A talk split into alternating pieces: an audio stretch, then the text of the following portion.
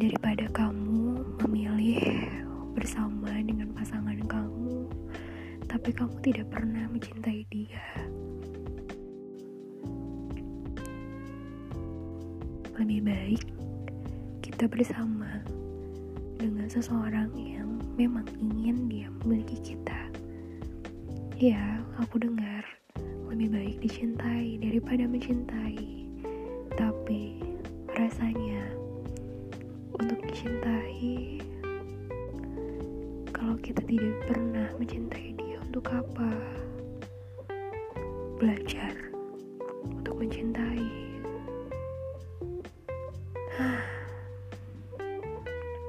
Rasanya susah untuk menjelaskan kepada orang-orang bahwa kita tidak bisa mencintai, tidak bisa memaksakan apa yang tidak kita inginkan, yang tidak sejalan dengan hati kita, yang tidak kita inginkan benar-benar ada di hidup kita. Bimbang, ragu, pusing dengan kata-kata orang-orang. Rasanya ingin berjalan sendiri. Aku memang ingin menikah.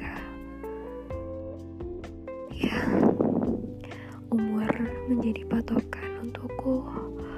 Tapi aku tahu, aku salah. Harusnya aku tidak berpatok pada umur. Ketika aku belum siap untuk menikah, lebih baik tidak usah. Lebih baik mematapkan hati untuk menikah. Ya, lelah. Tapi aku bingung harus seperti Ketika kamu memang benar menemukan pasangan yang menurut kamu sepemikiran, sejalan. Tapi cinta itu begitu rumit. Kita tidak pernah tahu ke depannya kehidupan kita seperti apa, tentang percintaan kita seperti apa.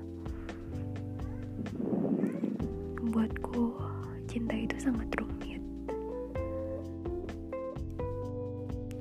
Ya, untuk beberapa kali aku berpacaran, aku menjalin hubungan dekat dengan orang. Aku sering kali patah hati. Tapi jujur, ketika aku patah hati, aku lebih bangkit, lebih coba, mencoba untuk bangkit, mencoba membuka diri. Walaupun aku tahu aku sakit, tapi aku lebih suka sendiri.